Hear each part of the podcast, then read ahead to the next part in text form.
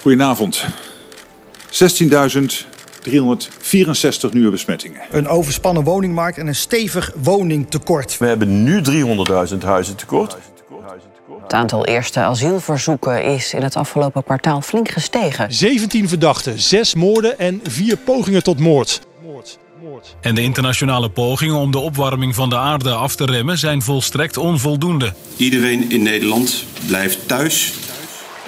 Winkels, kelders, alles is ondergelopen. Elke keer als de ambulance belt en die acute telefoon gaat, denk je: oh nee, niet nog één. Bijna iedere dag krijg je te maken met berichten die meer vragen oproepen dan antwoorden geven. Krantenkoppen, nieuwsberichten, talkshows. Er zijn meningen genoeg. Maar waar zijn de oplossingen? Wij, Michiel Hulshoff van Tetium. Hoi. En Claire van der Meer van de Universiteit van Nederland. Hey. Hi. En ik, Klaas van Kruisten, denken dat elk complex probleem een oplossing kent. En gebruiken het beste van de Nederlandse wetenschap om die te vinden. Wij zijn... De oplosser.